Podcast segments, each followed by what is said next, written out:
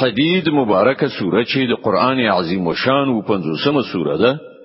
په مدینه منوره کې را نازله شوې ده نه ویشت مبارک آیاتونه لري تلاوت او پښتو ترجمه یې له لومړي آیت څخه اوري بسم الله الرحمن الرحیم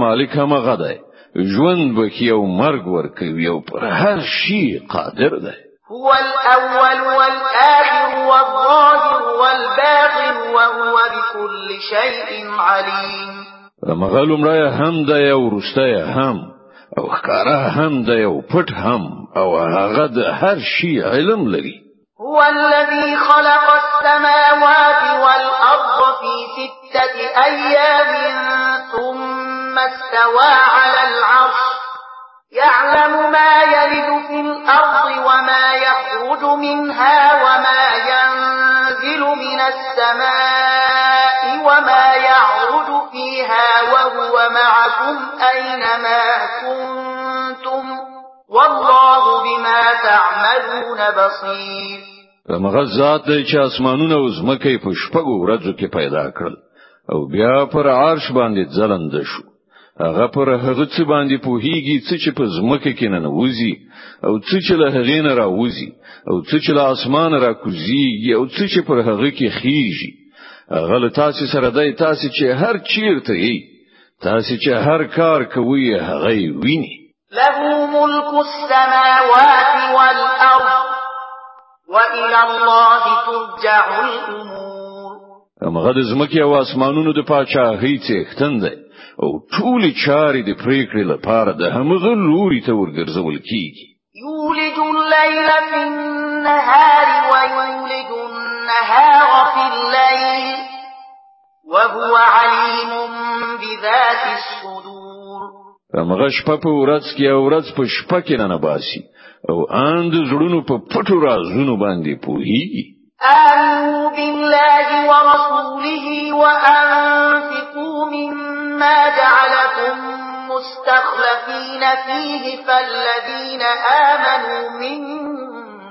وأنفقوا لهم أجر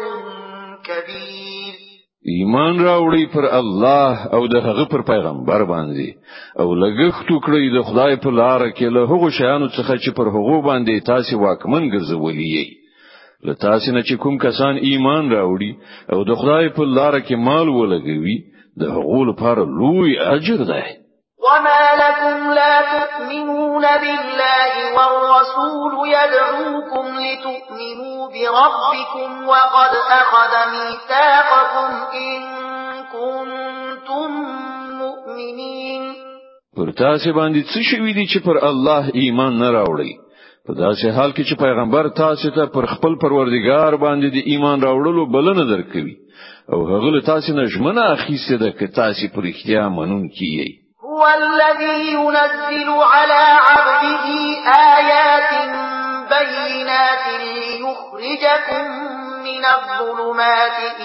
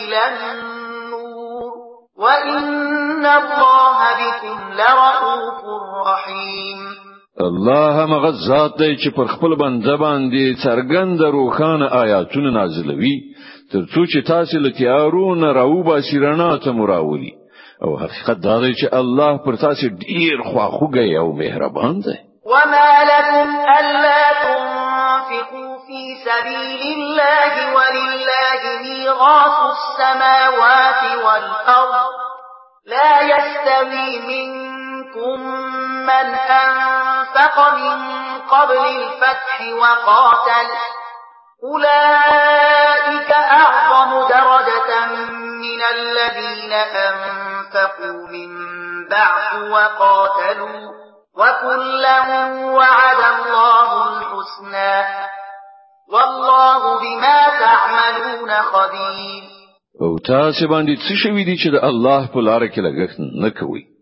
په داسې حال کې چې د زمکه او اسمانونو میراث د همدې الله لپاره دی له تاسو نه چې کوم کسان د مکې له فتح نه ورسته مالی لګښت او جهاد وکړي وغوی هیڅ کله له هغو خلکو سره نشي برابرې دی چې وغوی د مکې له فتح نه مخکې مالی لګښت او جهاد کړای دی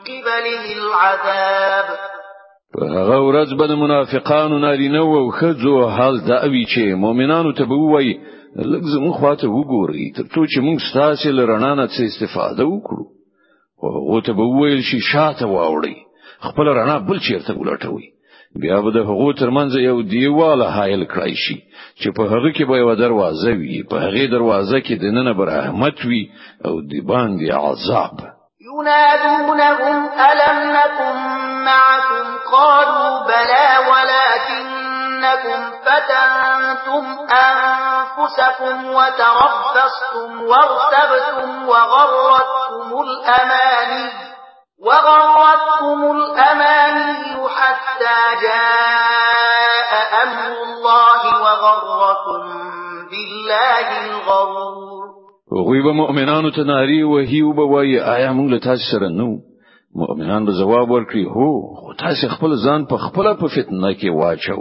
او زمونږ د تباهي په انتظار کې وي او د خدای په ژمنه کې په شک کې وغورځیدل او دروغ او هیلو تاسو وغولولې تر دې پورې چې د الله فیصله راغله او تر وروستي وخت پورې هغه غټ غولون کې یعنی شیطان تاسو د الله د لطف او رحمت په باب وغولولې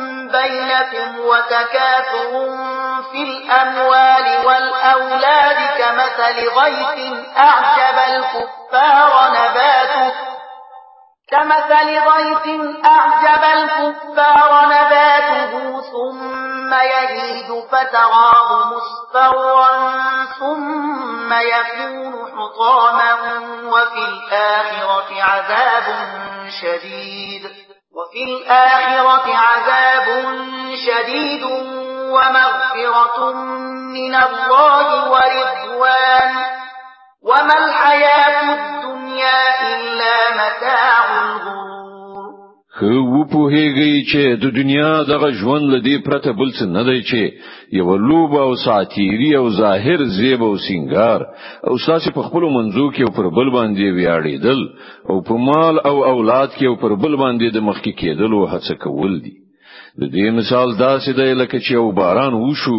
نو په هغه سره درا پیدا کیدونکو نباتاتو په لیدلو سره بزګران خوشاله شول بیا هغه کښت پخیږي او ته ویني چې هغه ژیړ شو بیا هغه بوس ګرځي د دې برعکس آخرت هغه ځای دی چې هلته کافرانو ته سخت عذاب دی او د الله مغفرت او د هغه رضا د مؤمنانو لپاره د دنیا ژوند غولونې لمتاع پرته بل څه نه دی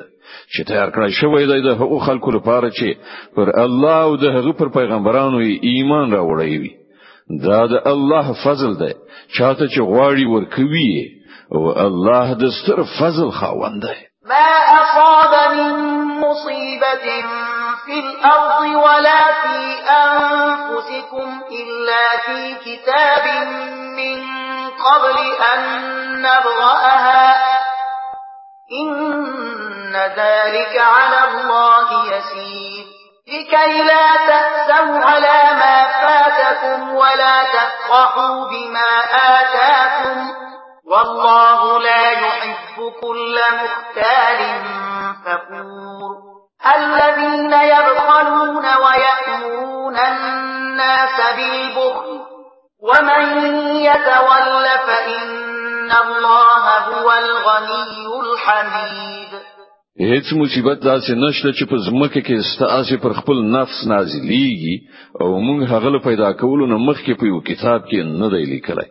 دغه څه کول د الله لپاره ډیر اسانه کار دی دا هر څه د دې لپاره دی ته څو چې تاسو ته که هر زیان وی چې پر هغه باندې زړه ماتې نشي او څه چې الله تاسو ته درکړي پر هغه د تکبر کولو لپاره خوشاله نشي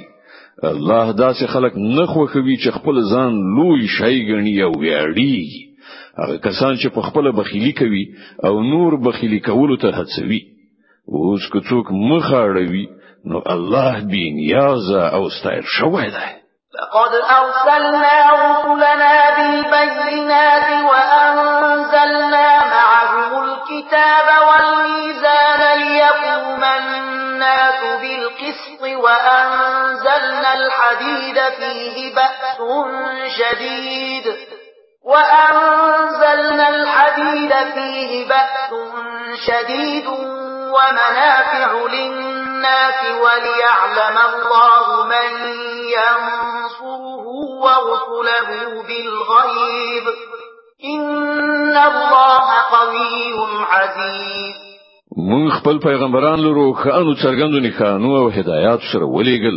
او له هغو سره مو کتاب او تل نازل کړل ترڅو چې خلک پر عادل ولاړ وي او اوس په مراکوزه کړه چې په هغه کې ډیر زور دی او د خلکو لپاره ګټي دي دا د دې لپاره کړی شوی دی چې الله ته معلومه شي چې څوک د هغه لیدلو پرته د هغه او د هغه د پیغمبرانو مرسته کوي بشک الله ډیر قوي او برلاسی دی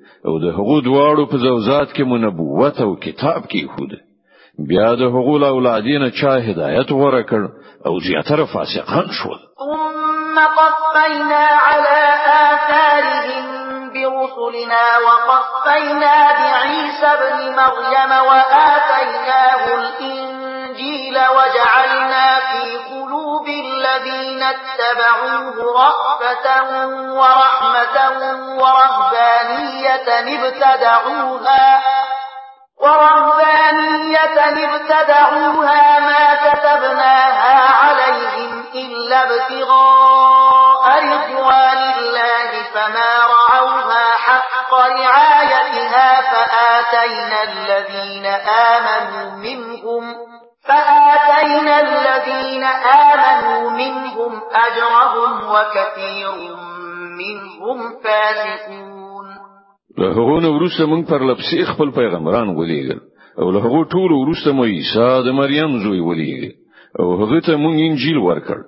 او کوم کسانو چې د هغه پیروي غوړه کړه د هغه په زړونو کې مونږ خو اخوږي او رحم واچو او رهبانيت هغوی په خپل رامنځته کړ مونږ هغه پر هغه باندې نو فرض کړای خو د الله د رضا په لټه کې هغوی په خپل دغه بدعت راويست